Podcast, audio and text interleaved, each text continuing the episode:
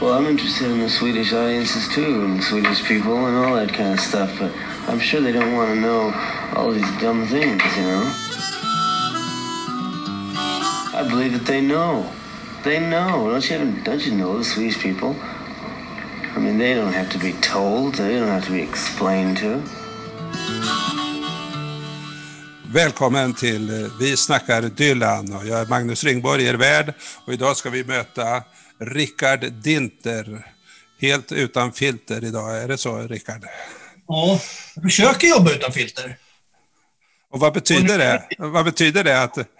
Nej, men alltså, jag har ju en podcast som heter Dinter utan filter det var väl mer att dels så ska, är det viktigt med titlar, det lärde jag mig tidigt liksom, att min pappa brukar alltid tjata om att titla, oh, Gone with the Wind, fantastisk titel, du måste ha en bra titel i det du gör.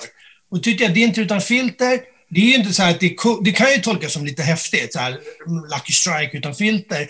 Jag tänker mer att det handlar ju liksom om att det inte är... Jo, jo jag, gjorde, jag gjorde en radioproduktion på den tiden man kunde göra lite mer experimentella saker på Sveriges Radio. Och då skrev en recensent att det är inget filter mellan den som, han som gör produktionen och jag som lyssnar. Att det finns en slags eh, närhet kanske, att det är liksom filterlöst. Det ligger ingenting emellan. Så, om man vill tolka detta då. kan man ju tolka det så, tänker jag. Okej, okay, och nu kommer du ifrån att ha rekat någon inspelningsplats. Ja, precis. Jag, har, jag håller på att göra en...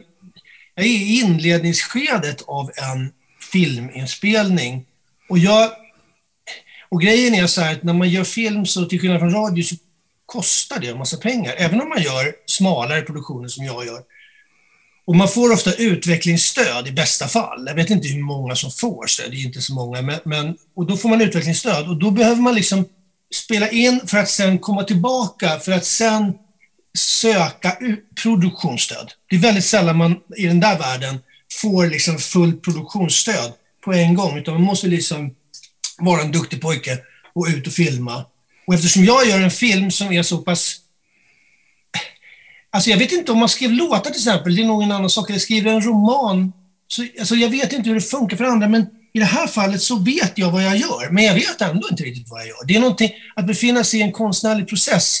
Eh, och det här är väldigt intressant. Och att vara i det här eh, läget, jag vet vad jag ska göra. Eh, titeln, arbetsnamnet på filmen är Den refuserade filmen. Och sen kan jag säga massor om det, men jag kommer ändå kanske inte lyckas träffa det jag vill berätta i filmen. För att det är ju någonting outsägligt som man Alltså när jag, när jag jobbar med det jag gör så söker jag efter något som jag inte kan berätta på något annat sätt. För hade jag kunnat berätta för dig nu exakt hur den här filmen är, då hade jag inte gjort filmen. Jag måste göra filmen för att liksom få... Och det, nu är jag i ett skede där jag då har filmat lite och så ska vi jobba ihop det här materialet till någonting. Bara liksom ett intro, en början, som en början på en låt. Och imorgon ska vi spela in klockan fem på morgonen på en lekplats för att få en speciell stämning. Och det är inga massa människor ute heller. Du, det här leder oss eh, osökt in på Dylan och skapelseprocessen. Men eh, ja. först, hur, eh, hur ramlade du in på Dylan? Ja, alltså, jag, nu gillar jag ju berättande och jag, bli, och, och jag gillar att dramatisera ibland. Och minnena är ju som de är, du vet. Så jag, jag har ju ett minne av att jag befinner mig på jag vad heter, det, hette, det var väldigt populärt på 80-talet bland de som hade föräldrar som hade lite pengar att vara utbytesstudent. Och jag var utbytesstudent i Georgia, utanför Atlanta, Georgia. Och jag har ett minne som en flash i huvudet. Du vet hur det är med minnet, man kan liksom, det mesta ligger i mörker. Men så har jag det här minnet att jag sitter i en bil med, så här, med cab, en sån här liten sportbil. Med en kille i skolan som inte var Guds bästa barn och som jag tror att mina så kallade värdföräldrar då som man får, man bor ju med en familj. Att de gillade inte honom, så jag hade liksom smitit iväg med honom och vi körde på den här vägen. Och då är det så att han har I want you, på, om det är på radion eller om han har kassett, det minns jag inte. Och jag började sjunga med. Och grejen är att jag har väldigt mycket komplex för min sångröst, eller har haft väldigt mycket komplex för min sångröst. Jag sjunger med och jag sjunger så här I want you, I want you. Och han påpekar då att det heter inte Jew. Utan, och Jew är någonting helt annat än i want you. Och det där har liksom legat kvar och gjorde att jag sjöng ännu mindre efter det. Sen så vet jag att jag har lyssnat på, och det kan vara tidigare faktiskt, Lay Lady Lay kan vara första låten jag har hört med Dylan. Eller Stuck Inside of Mobile. Och att det var någonting med den där rösten. Den där rösten som liksom... Alltså för vissa människor gör det ju inte det, men för vissa människor så, så öppnar det, den, den går rätt in. Det var någonting helt annat. Det var som ett instrument. Någonting. Så, att, så att var exakt. Men det här är ju som att jag kom ju till, jag är ju, jag är ju lite yngre än dig, så jag kom ju till Dylan när det var för sent skulle vi säga. Alltså 80-tal, 82, 83, Infidels. Där började jag upptäcka Dylan och då hade han ju redan hållit på. Du vet, det var som när den grekiska historieskrivaren Herodotus kom till pyramiderna. Då var de redan 2000 år gamla. Så när jag kom till Dylan hade han redan hållit på. Men med bra konst är ju bra även 20 år senare, förhoppningsvis 100 år senare. Så, lång historia på en kort fråga. Okay. Jag ramlade in där och sen så blir man ju fast. Om man blir fast så blir man ju liksom, blir man ju väldigt, ja. Så är det med Bob och mig.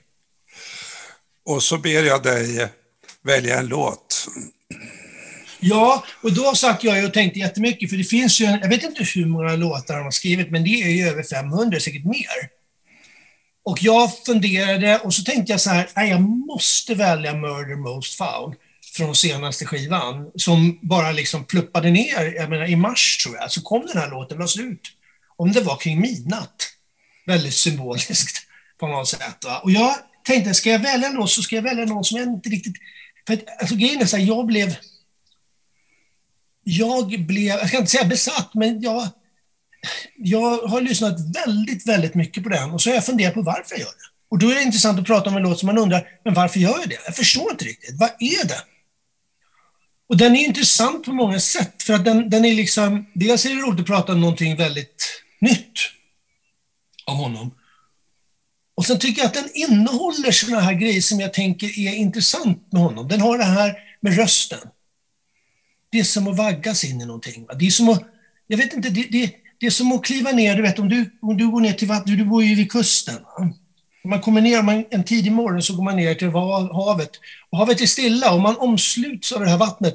Och det är stilla men det rör sig hela tiden. Och så är det med den här låten. Den är stilla men det rör sig. Och du får kliva ner i den. Det är lite som att kliva ner och jag tänker att hans röst är lite som en, du vet, nu ska jag berätta en historia för dig. Och man slår sig ner i den här låten nästan. Och, man, och, jag, och jag tänker att, jag vet att jag också i samband med det här så var jag nere på en fin bokhandel på Södermalm, Stockholm, Söderbokhandeln. Och då spelade de den här. Och då sa jag till henne, det här är bra. Ja, jag kan inte låta bli. Jag måste höra på den om och om, om igen. Och så kan det ju vara med en hitlåt också, men det här är inte så. Det är inte den grejen, att man liksom, åh den här melodin. För det finns nästan ingen melodi. Och ändå är man där. Och då har vi rösten. Sen tycker jag den är intressant för att han står ju med ena... Han är ju en artist som liksom... Han står med ena foten i en muntlig kultur. Och då menar jag inte bara att han sjunger, utan även textmässigt. Många litteraturkritiker tycker att det här är ingen märkvärdigt liksom, text. Det här är gymnasialt, vet jag att de tyckte. Men det är inte bara det. Det är att han står med liksom ena foten i det muntliga och andra i den här skriftliga kulturen. Och där, jag tycker att det är så intressant. Det finns i den här låten också. Den är så kännetecknande för honom. Och jag tänker på den här gången som jag liksom tycker var så typisk när, när, när, när, när du vet, man fick Nobelpriset. Och hela SVT-studion blev helt tyst. Ja, ja, ja, det var helt underbart. De hade ja. inget att säga. Men de hade inte, om man vill vara hård, de hade inte lärt sig läxan. Jag menar, jag tror så här, nu känner inte vi Bob Dylan och jag vet inte om han själv känner Bob Dylan, om Bob Dylan känner Bob Dylan. Men jag tror att han skulle sätta till exempel Hank Williams lika högt som T.S. Eliot. Alltså att, och den världen, det funkar inte i litteraturvärlden och därför tycker jag då att det är väldigt svårt att läsa folk som skriver Dylan, för ofta så blir det någon väldigt litterär som skriver och då tappar man det där andra. Eller så kommer man från sångtraditionen och då tappar man det litterära. Han är både och. Det är det som är så spännande. Och det tycker jag den här låten, den, den jag menar, jag har ingenting, jag menar Kennedy var, är ju symbol naturligtvis. Den handlar ju om, på ett sätt kan man säga att den handlar om mordet på John F Kennedy, men gör den det egentligen? Jag menar, du har ju pratat med många nu och det är väl så här att när man ska tolka så är det så tolkningsbart. Ja, du, vi kunde sitta ganska många timmar och nysta upp eh, varenda allusion här. Eh, det är ju ett sätt att ge sig in i den här låten. Men du verkar ha en annan idé, alltså vad är det för stämning, vad är det som jag kommer in i med det här? Ja, jag tänker, du vet, det var någon som sa någon gång så här, jag tror att det var Karl-Ove Knausgård som vid något tillfälle sa så här att poesi öppnar sig inte för mig. Tyvärr, jag försöker läsa poesi, men den öppnar sig inte. Och jag tror att jag lyssnar på det här som jag läser en dikt. Och du vet, en dikt läser du på ett annat sätt än om du läser en prosatext. Den måste öppna sig. Som en sång, en dikt. Och du måste fångas av någonting. Det är som att kliva in i ett rum. Jag tror att, jag tror att han har sagt det själv. Och jag tänker att det ska man också veta att jag lyssnar på honom utifrån att jag är konstnär själv. Så jag, jag tänker att jag... Och att jag tänker att mina filmer, de filmer jag gör, de är som rum att vara i. De är ett universum. Det låter väldigt storvulet att säga så om sina produktioner, men jag menar mer att man liksom får gå in i någonting. Och så tycker jag att allting är i sången.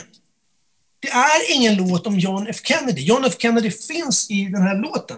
Men i Dylan så, det, du vet, det är så många som vill tolka. Det handlar Sarah om, ja Sarah handlar ju om hans fru, i och för sig. Det är väl den mest lätt, Sarah, där man verkligen kan säga att här pratar hon om sitt eget liv. Men er, jag tror att du pratar med Horace Engdahl. Och han sa ju något bra tycker jag. Det här med att, nej han är ingen bekännelsepoet. Allting är i låten. Det är sången i sig, en egen värld. Och så tycker jag med den här låten också. Man får kliva in i någonting och sen kan man naturligtvis självklart tolka. Och jag tycker det är spännande för en grej som han gör som också är väldigt typiskt, tänker jag. Det är att han förflyttar sig i låten. Han förflyttar sig från olika perspektiv. Plötsligt är man med Kennedy i bilen. Plötsligt är man konspiratören. Plötsligt är man med uh, I'm just a patsy with Patsy Cline. Då tror jag att never shot anyone from in front of behind. Då tror jag man är Oswald. Så att han, han rör sig. Och det är ju ett väldigt spännande grepp. Liksom. Så på det sättet kan man ju tolka texten och röra sig i texten. Men det, den hade inte... Han är ju fraseringen, hur han liksom stannar upp. Men kan vi stanna, kan vi stanna där vid perspektivskiftet? För det är ju ganska typiskt att, att han gör det. Ibland vet han, man inte vem som pratar och man flyttar sig från olika perspektiv. Och här har han ju drivit det ännu längre tycker jag. Just det där eh, rörelsen mellan olika röster alltså och olika tidpunkter också. Ja, och det, menar, det har han ju liksom varit inne på tidigt när han, när han, han, han var det inte när, han, när, de, när de frågade honom i någon sån här sällsynt intervju, apropå Blood on the Tracks, att han försökte, han försökte liksom han försökte göra låtar som var som en Picasso-tavla, där man ser saker från olika håll. Om man inte vet vem som är han, du vet i Tangled Up in Blue, vem är vem? Är vem? Och det, det där är ju... Och varför tycker man det är så spännande när man lyssnar? Men det är därför att, ja, han fångar ju någonting det är inte så här liksom, ja, men det, jag tycker det är så vackert det här, sitting in the back of my limousine, alltså vad är han sjunger? In the backseat with my wife, heading on for afterlife, heading into afterlife. Det, den är ju så sorglig också. Jag har funderat en del på Dylan och Joy, som vi nu ska vara lite litterära här alltså. Ja. Jag tycker i den här låten så är han närmast jag, som jag hörde. Det finns många beröringspunkter. Han, han beskriver en dag den 22 november 1963 istället för 16 juni 1904. Just det. Precis som Joyce går gata efter gata, han viker till vänster, han viker till höger, han är på det torget och så vidare. Så är Dylan här i Dallas. Parkerna, gatan, sjukhuset, det är som att du kan följa millimeter för millimeter. Och sen det här perspektivskiftet. Ja, det har du rätt i, det har jag faktiskt inte tänkt på. Men det är så, väldigt, sant. Ja, och sen, och sen eh, det här eh, stream of consciousness, alltså han är inne och, och den här långa katalogen av poplåtar, det är ju som i Molly Blooms eh, monolog när hon funderar på en, en massa låtar som hon ska sjunga när hon uppträder och sådär. Just det, fan vad du är smart. Magnus. Det där var ju, det där var ju, det var ju på pricken. Och det är roligt med de där låtarna, för det är någon slags så här, du vet, rysk docka, att man säger den här låten. Då öppnas ju någonting. Så han behöver inte berätta vad som hänt, utan den är mer, det är mer som att de är lucköppningar. Liksom.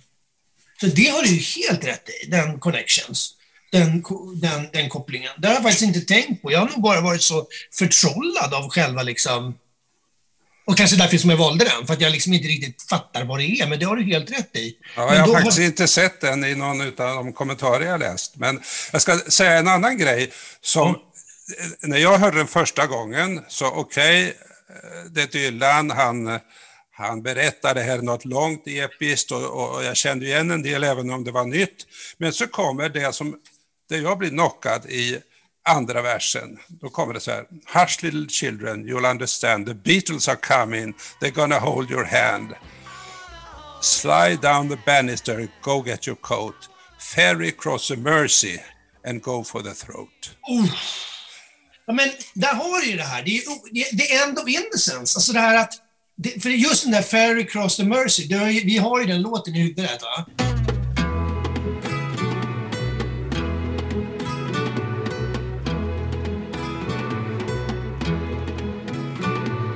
Life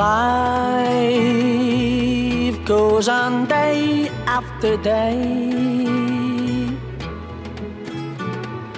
Hearts torn in every way alla fall jag hör den nu. Jag ska inte sjunga. Uh, men Ferry, Cross the Mercy, någonting sånt. Exakt. Och sen Go the Throat. Det är den här liksom, det är som att oskulden som, alltså det är någon slags, alltså om det är någon idé, om det är någon slags idé om en slags så här, um, om Kennedy, nu är jag ute på jättehal is här, som uh, Bambi på en hal is i Disney-filmen där. Men liksom att det är någon slags så här, um, jag vet att han har sjungit uh, Don Henleys The End of Innocence tolkat den någon gång och att, han, att det finns något sånt.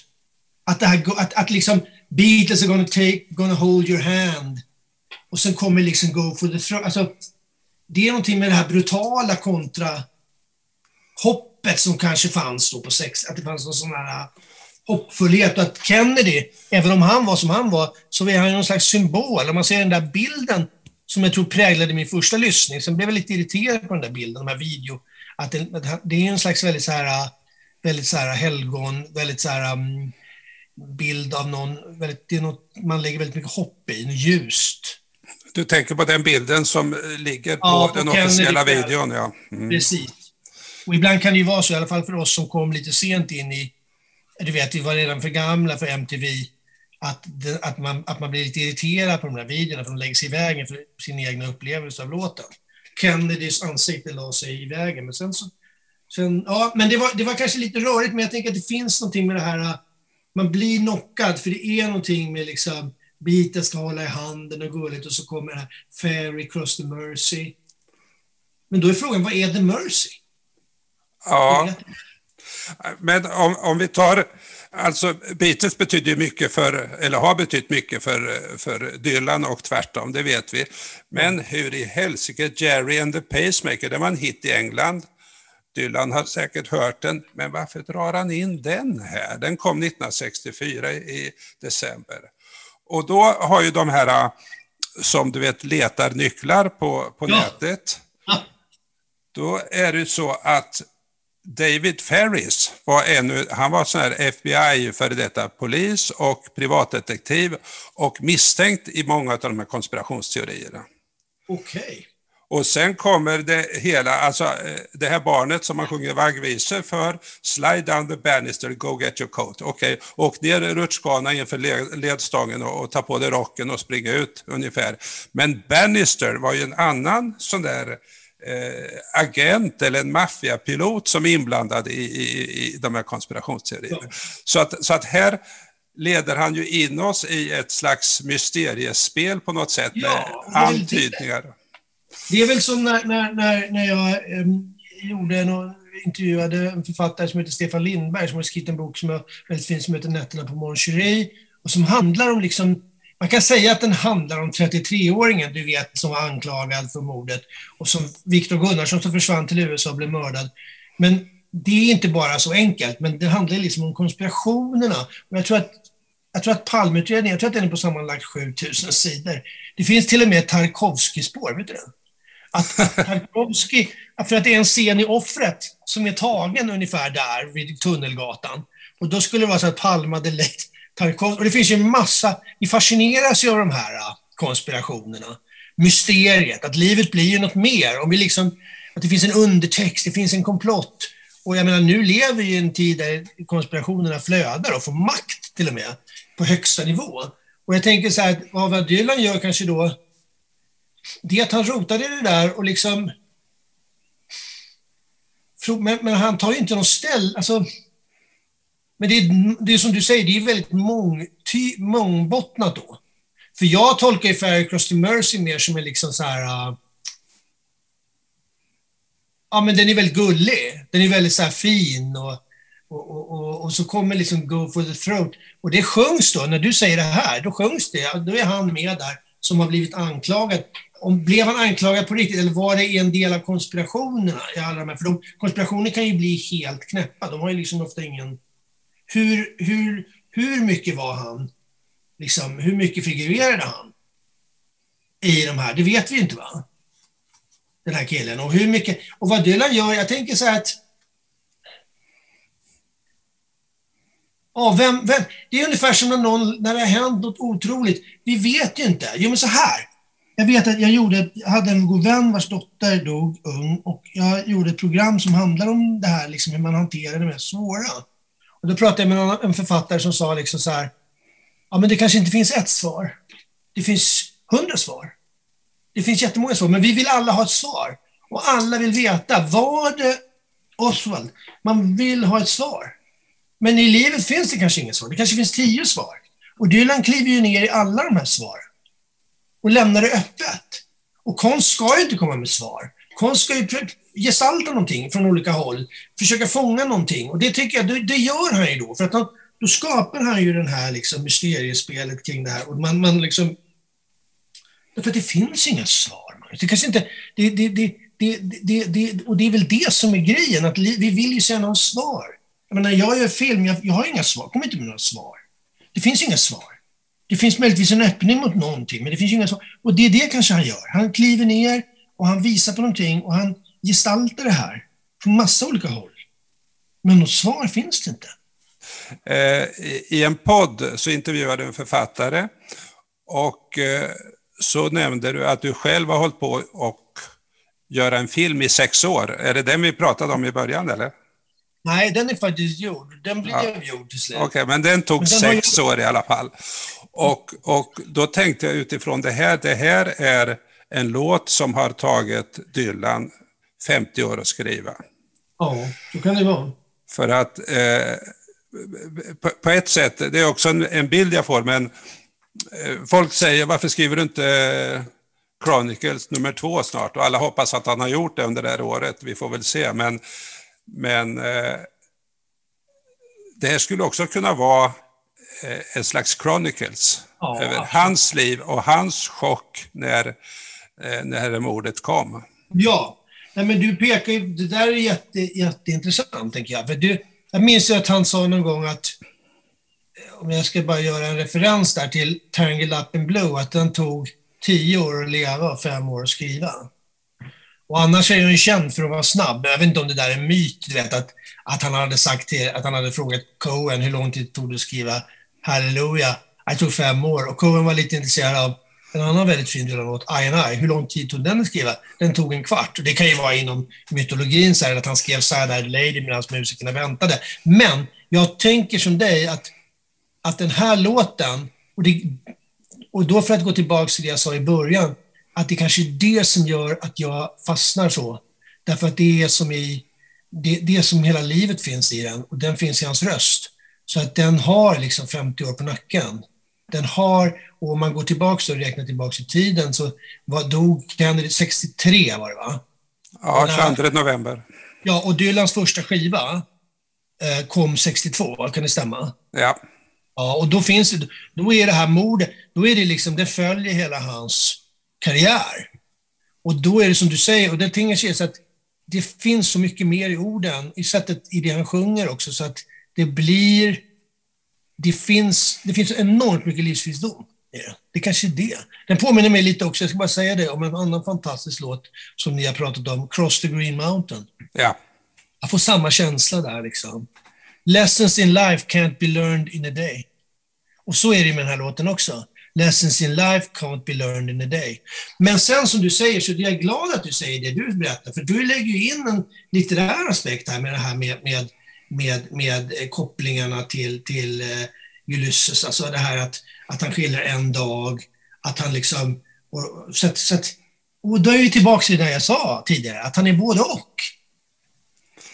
Om du väntar ska jag eh, läsa upp vad eh, Susan Rotolo skriver om, om den där dagen. Ja, absolut. November 22nd, 1963 was a day that yanked the rug out from under us. Det drog, drog ut mattan under oss alltså. In a way that even the Cuban missile crisis of the previous year hadn't. It's hard to place anybody in a specific location when the news of John F. Kennedy's assassination began to spread. Nothing seemed real, and everything seemed to be happening either in slow motion or speeded up. There was disbelief and shock. It didn't seem conceivable that a president of the United States could be assassinated in the time you were living in. Och så kommer de till dagarna som följer där. Bobby, Carla and I were together at the Avenue B apartment, sitting on the rickety wicker couch, cigarettes in hand, in front of the old black and white television set to watch Lee Harvey Oswald, the alleged lone assassin, to be arraigned. We watched him get shot right there, live on national TV. If we turned to flick an ash, we would have missed it. Chaos ensued both on TV and every place. Did you see that? The three of us froze and went deadly serious. There was no instant replay. These were the days before video cameras. Och så. Så att, det, att det är liksom sekund för sekund sitter han med där. Va? Och, och, och, och ja. Jag tänkte på eh, Palmemordet, också en slags så här bild av någon slags os, någonting som inte kan hända. En idé om att det inte kan hända. Kriget är över, det är liksom hoppfullhet kanske då.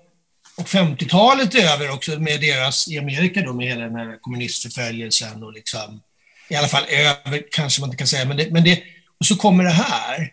Och vi har ju, människor pratar ibland om Palme, och det här är naturligtvis grova generaliseringar, men att det är också någon slags så här, äh, det skottet sänkte inte bara Palme, utan det sänkte någonting annat också. Och det kanske var likadant, det, det är deras Palmemord. Det är, det är en idé som kanske går i graven. Alltså, och då tänker jag på låtarna som han nämner, liksom, som ändå är, och då, och, då kanske de är en tröst, jag vet inte. Men det var väldigt fint skrivet och att att man liksom såg det här på TV, att han var så öppen. Han satt ju i en öppen limousin. Ja, alltså det, det, det, tror jag inte folk såg i allmänhet, utan det är den här filmen, den här amatörfilmen som nämns i Murder Most Foul. Utan det man såg var när, eh, när ja, Lee Harvey Oswald blir skjuten ja. i direktsändning. Alltså. Just det, just det. Av Jack Ruby hette han. Ja.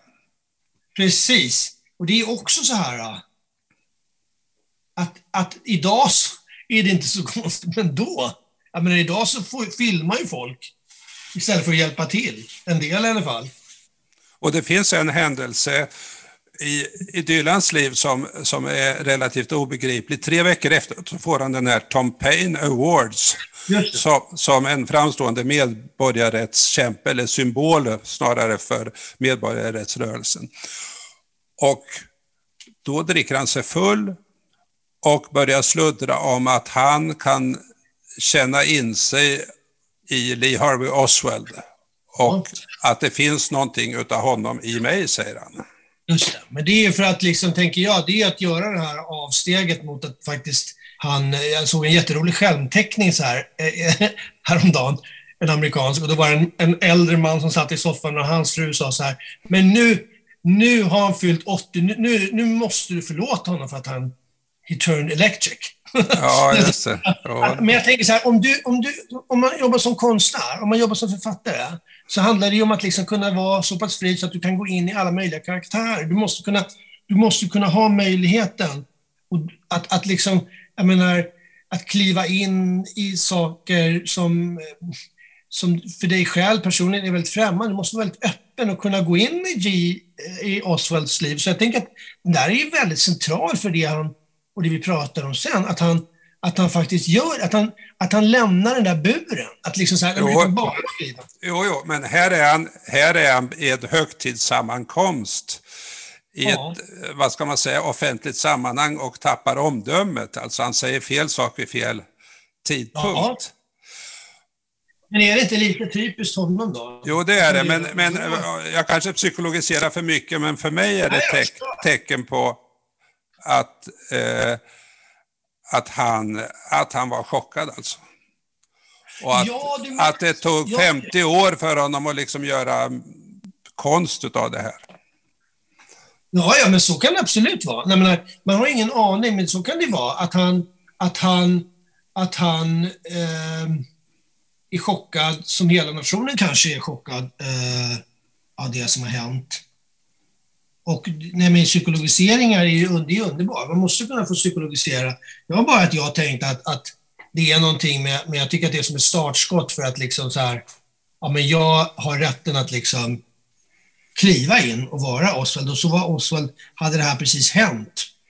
Och liksom, han, Oswald, den här historien visar ju på att verkligheten är mycket mer komplex än att vara för eller emot någonting. Eller att vara protestsångare eller att vara symbol för någonting. Men det kan ju vara, det kan ju, igen, man vet ju inte, men jag tycker att visst, precis som alla andra, så blir väl han chockad. Men frågan är liksom så här, han blir då, men jag har ju sett det där i den här Todd Haynes underbara film. Han lyckas ju göra liksom konst av det där, att, att en människa kan vara spelad av sex eller sju personer, sex tror jag. Och att han kommer upp där då och han dricker för mycket och börjar slå liksom. Ehm, det är också lite för typ, att ska man göra en sån grej så gör man ju det där. Det är ju en helt annan sak att skrika ut någonting om man sitter med sina polare.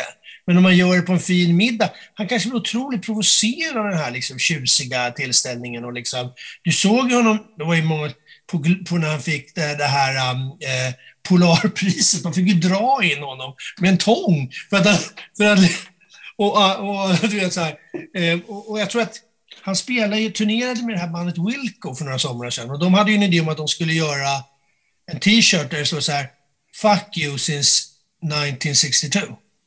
Att han liksom alltid har varit sådär, att han säger liksom, men vad vet vi? Det kanske är någonstans mitt emellan svaret. Okay.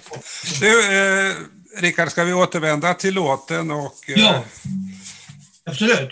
Ta något nedslag här. Eh, alltså om, vi bara ska ta den här enormt långa låtkatalogen. Och, har du ja, att säga om man, det? Man kan, nej men, Ja, alltså det var ju många som undrade. Och varför Stevie Nicks? Alltså ibland är han ju en rimsmed. Det måste ju rimma. Herregud. Och ibland tar han ju till ganska så här uh, enkla grepp. Men, men jag, alltså, jag vet ju att människor har pratat om det här. Är det hans liksom så här, är det, en, är det liksom en, en, en tröst? Är det det här liksom som vi har kvar, liksom, sångerna, musiken? Um, och, och, och, han spelar på slutet. Och så slutar han ju med sin egen låt. Play Murder Most Foul.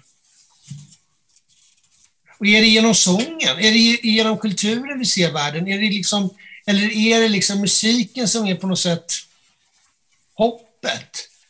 Eller är det... Jag vet faktiskt inte.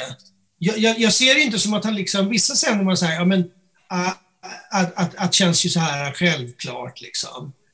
Att han nämner Warren Seven där och den här låten eh, Desperados Under the Eaves. Han, var ju en stor, han är ju en stor fan av Warren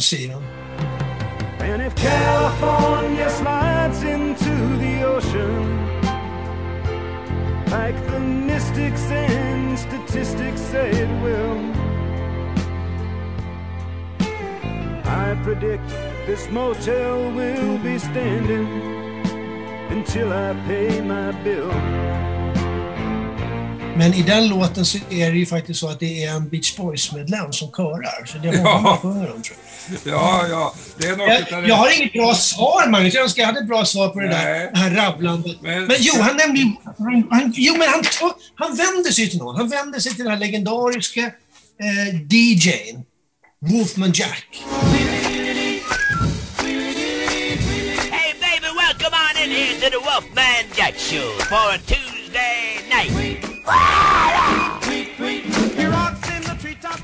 Och då tänker jag så här, det är någon slags trö... Alltså det är musiken, det är konsten som en slags... Nu är jag helt personlig, jag har ingen aning om det. Det här är bara min personliga känsla. Liksom att det är sångerna, det är musiken. Varför lyssnar jag på Murder Most Foul? I Murder Most Foul så vaggar han in mig. Och i Murder Most Foul kan jag gå in i den här lugna stämningen och i den här låten. Och i den här låten så kan jag så kan jag vara, och det är en trygg plats, det är en bra plats att vara på. Och där kan jag berätta vilka historier som helst. Mörka historier, svåra historier. Så tänker jag mycket. Och det, att, det kanske, att musiken är någon slags här, um, precis som dikten kan vara. Va? Precis som att man kan vara i en väldigt mörk roman och ändå vilja vara kvar där. Jag läste eh, Steve Sean Sandbergs senaste roman som var helt fantastisk. Den är ju fruktansvärd. Men ändå vill man vara där och det är inte för att man är självplågare. Det är för att det är livet och det, det är skrivet på ett sätt så att, jag, att man kan vara i det svåra. Så det kanske det är en väldigt enkel, jag vet. Jag, vad tänker du? Ja. det går så fort för dig, Rickard. Jag ska, backa, jag ska backa till det här som du nämnde med Beach Du får Boys. säga till mig, du får säga Ja, till mig. ja, ja, ja. Men eh, jag bara tar det här nu. I femte versen så kommer det Play it for Carl Wilson too. Och han var ju en framträdande medlem då i, i Beach Boys. Looking far, far away down Gower Avenue. Och så kommer det någonting annat. Så det här är alltså för de verkliga kännarna så ska man då känna till att Carl Wilson, han var med i kören på en låt som Warren Seven spelade in eh, och som heter Desperados, är det så? Och den Desperados. slutar med raden att han är looking down Gower Avenue som en gata i Hollywood. Ja. Så det här är ett sånt där pussel och trick som man håller, med, håller på med hur mycket som helst i den där låten alltså. Ja, men absolut. Och jag, ber mig, alltså, jag kan vara lite snabb ibland, så du får liksom, jag skyndar på lite för mycket ibland. Det är bara att säga till mig. Så jag är så van att intervjua andra, men jag är inte så van att bli intervjuad själv. Men absolut, det är som att det är en historia i historien om den där sången. Det är som att han liksom, det är en lukt, man öppnar den där låten. Och då måste man veta. Men frågan är om man kan lyssna på den ändå, utan att veta. Och det är klart att man kan. Ja. Och vad, det blir en bättre, ibland blir saker bättre när du vet. Du kan öppna saker. I lyssningen naturligtvis. I, i, i, om, du, om, du, om du liksom... Om du kan den historien så kan du ju liksom kanske ge någonting mer till själva upplevelsen. Eller ska man dela på de där två sakerna? Ja, för det här är ju så oerhört spännande som du är inne på. Alltså varför lyssnar man på det har du varit inne på flera gånger. Och varför, trots att det handlar om hemska saker, varför kan man tycka om det? Och i början sa du det här med alltså rösten och rytmen och de här mjuka dyningarna som, som vaggar in. Och han har ju liksom en allusion då till vaggsång alldeles i början här med Hush little baby. Hush, little baby, don't you cry. You know your mama was born to die. Och att det är någonting med tröst i det här alltså, som, som är Absolut. ett sånt genomgående tema.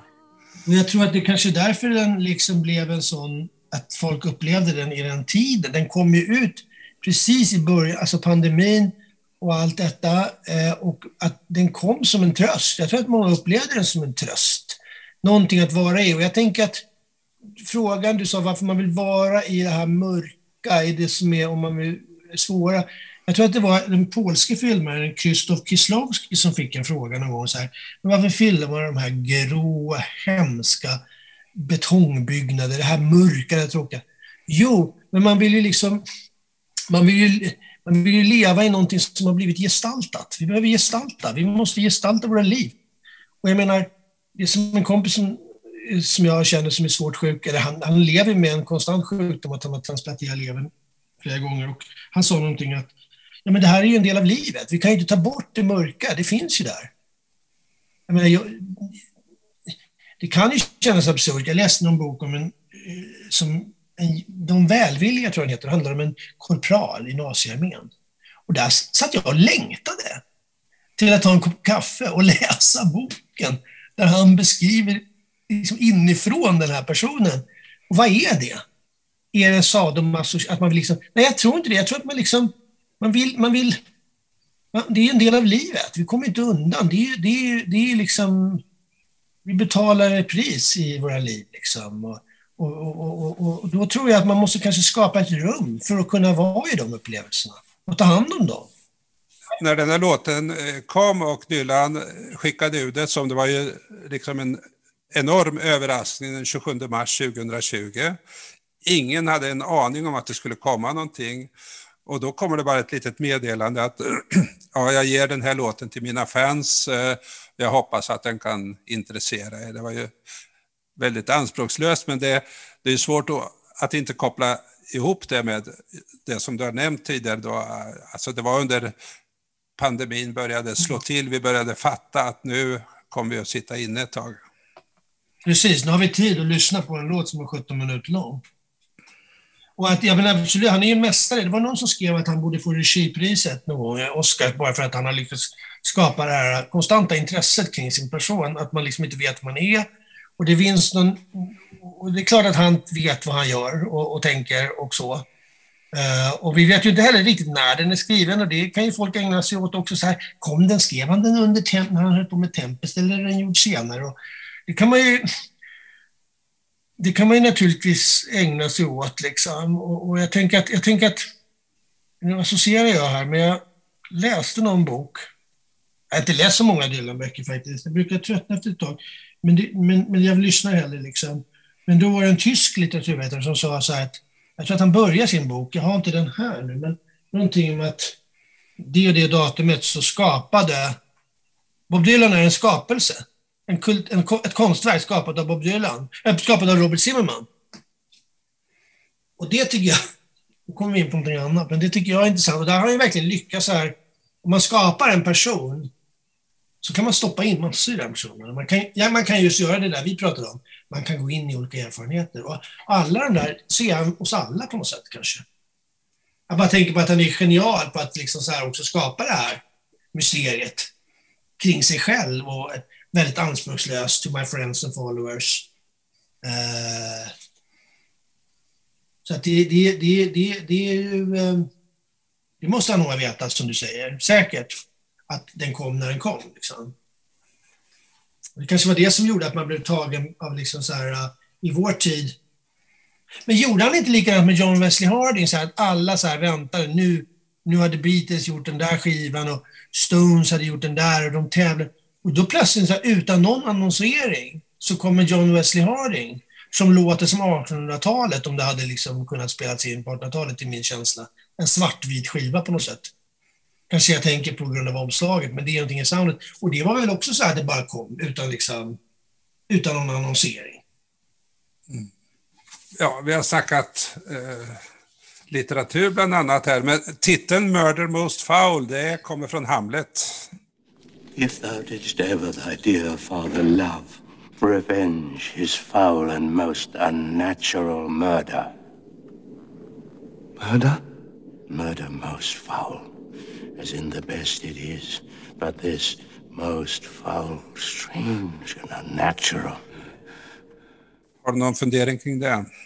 Nej, mer, inte mer än att han liksom har varit väldigt mycket inne på Shakespeare eftersom eh, kring Nobelpriset och att eh, och i det här både i talet där han eh, som ett ganska roligt tal som uppläst, var väl den amerikanska ambassadören som fick läsa upp det i hans frånvaro om att liksom Shakespeare had no idea that his plays were literature.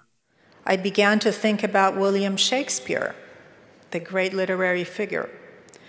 I would reckon he thought of himself as a dramatist, The thought that he was writing literature couldn't have entered his head. His words were written for the stage, meant to be spoken, not read. Jag undrar om det påverkar honom ändå, även om han låtsas som att han inte påverkas av att han får Nobelpriset i litteratur. Så att han behöver nämna Shakespeare plötsligt. Nu är jag lite elak kanske, men att han liksom att han plötsligt blir han litteratur. Att han får liksom det finaste litterära priset. Och att han då kopplar. Det skulle kunna peka åt det hållet att eh, hela den här skivan är ju så litterärt avancerad. Ja. Eh, Så att han kan bli stimulerad av Nobelpriset. Annars, annars så säger man ju alltid att Nobelpriset är ett sätt, effektivt sätt att döda en författare. Sen skriver Ja, ja, de inte en rad mer. Va? Men för Dylan är det ju inte så. Eller så skriver de väldigt dåligt, för jag förstår det. Jag skulle inte stå ut med ett, Jag klarar ju inte en sekunds uppmärksamhet för man liksom tappar bort sig själv. Och det är klart, och det här har han ju inte gjort. Och det är väl så att det är flera... Jag tror att Marquez skrev om sin roman efter Nobelpriset, men jag förstår ju att man tappar. Man, liksom så här, vad fan ska man... Man har ju blivit, apropå det här, han har fått ett epitet, han har ju liksom fått... Då har man ju blivit någonting, man är den stora författaren. Eller man är liksom så här... Och jag förstår ju, det gör ju att han kanske inte åker och tar emot priset, för han vill inte in i follan. Han vill inte vara på Tom Payne Award. Så kan det vara då, att han kanske då, att han liksom blir stimulerad av det. Men, men det kunde också vara det här citatet, Murder Most Foul. Det är ju eh, det här, eh, hans faders ande eller spöke som säger det till honom på muren där, till Hamlet, på muren där i Helsingör. Och, och eh, då får han ju uppdraget att det är du som ska ta hand om det här. Du ska se till att rättvisa skipas. Och det kan ju vara en slags identifikation som faktiskt Dylan har tagit på sig. Han slutar inte. Han, han är den där predikanten som säger att ni, ni har sett till ett elände här, nu får ni det. Ja, men någon måste, ju, någon måste ju berätta. Så är det ju. Liksom. Det någon måste ju berätta historien. Någon måste ju, vi måste ju ha någon som berättar. Carrying the alltså så här, äh, och, och, och sen så kommer han ju inte igen då med några svar, men att han absolut, han får liksom, och, sen så har han allting kan, nu vet man inte, det kan ju komma mer musik från Bob Dylan. Det kan ju, han är ju bara 80. Men, men, men det är ju ändå som en slags, man skulle kunna se den här då som en slags, sum, inte summering, men liksom alla dessa år. Och han har berättat. Han har ju hållit på med det. Han har ju berättat. Han har ju varit den som har berättat. Men han berättar ju här också, men han berättar ju inte sanningen. Han berättar ju inte hur det var. Vad som hände. Eller hur? Nej. Och inte med några liksom... Och det, fi- det finns en film som heter Murder Most Foul också va? Ja, det är möjligt. En Hollywood-rulle som heter Murder Most Foul. Okej. Ehm, så att det, det, men igen, då är vi där igen. Det här att man är så, att han, att han liksom är så, att han är så tolkningsbar. Och jag tänker igen på det här att vi gärna vill, handlar det här om det där i verkligheten? Innan vi stänger av, så var hittar man din podd någonstans och dina filmer? Som de brukar säga så, så, så säger de min podd finns där, vad säger de på då? De säger här, Där den här- poddar finns, ja. Min podd finns där poddar finns. På Podbean, Spotify, vad man vill. Och om man gillar att lyssna på samtal som är ganska personliga om skrivande processer, om att vara en skrivande människa, då kan det nog vara kul, även om man inte är skrivande själv. Mina filmer finns på något som heter Drakenfilm. Det är Göteborgs filmfestival som har en egen sån här uh, VOD, heter det va? Video on demand, som Netflix fast det. Och där ligger fyra av mina filmer, kan man säga. Okej. Ja, och, och, då, och då hjälper man också till, hjälper man draken genom att ta lite prenumeration så att de kan fortsätta och göra, visa kvalitetsfilm från hela världen. Liksom. Bra. Och podden heter alltså Dinter utan filter. Ja, precis. Jättetack för att du var med på det här samtalet och att vi fick en inblick inifrån i Murder Most Foul. Tack ska du ha, Rickard. Tack själv.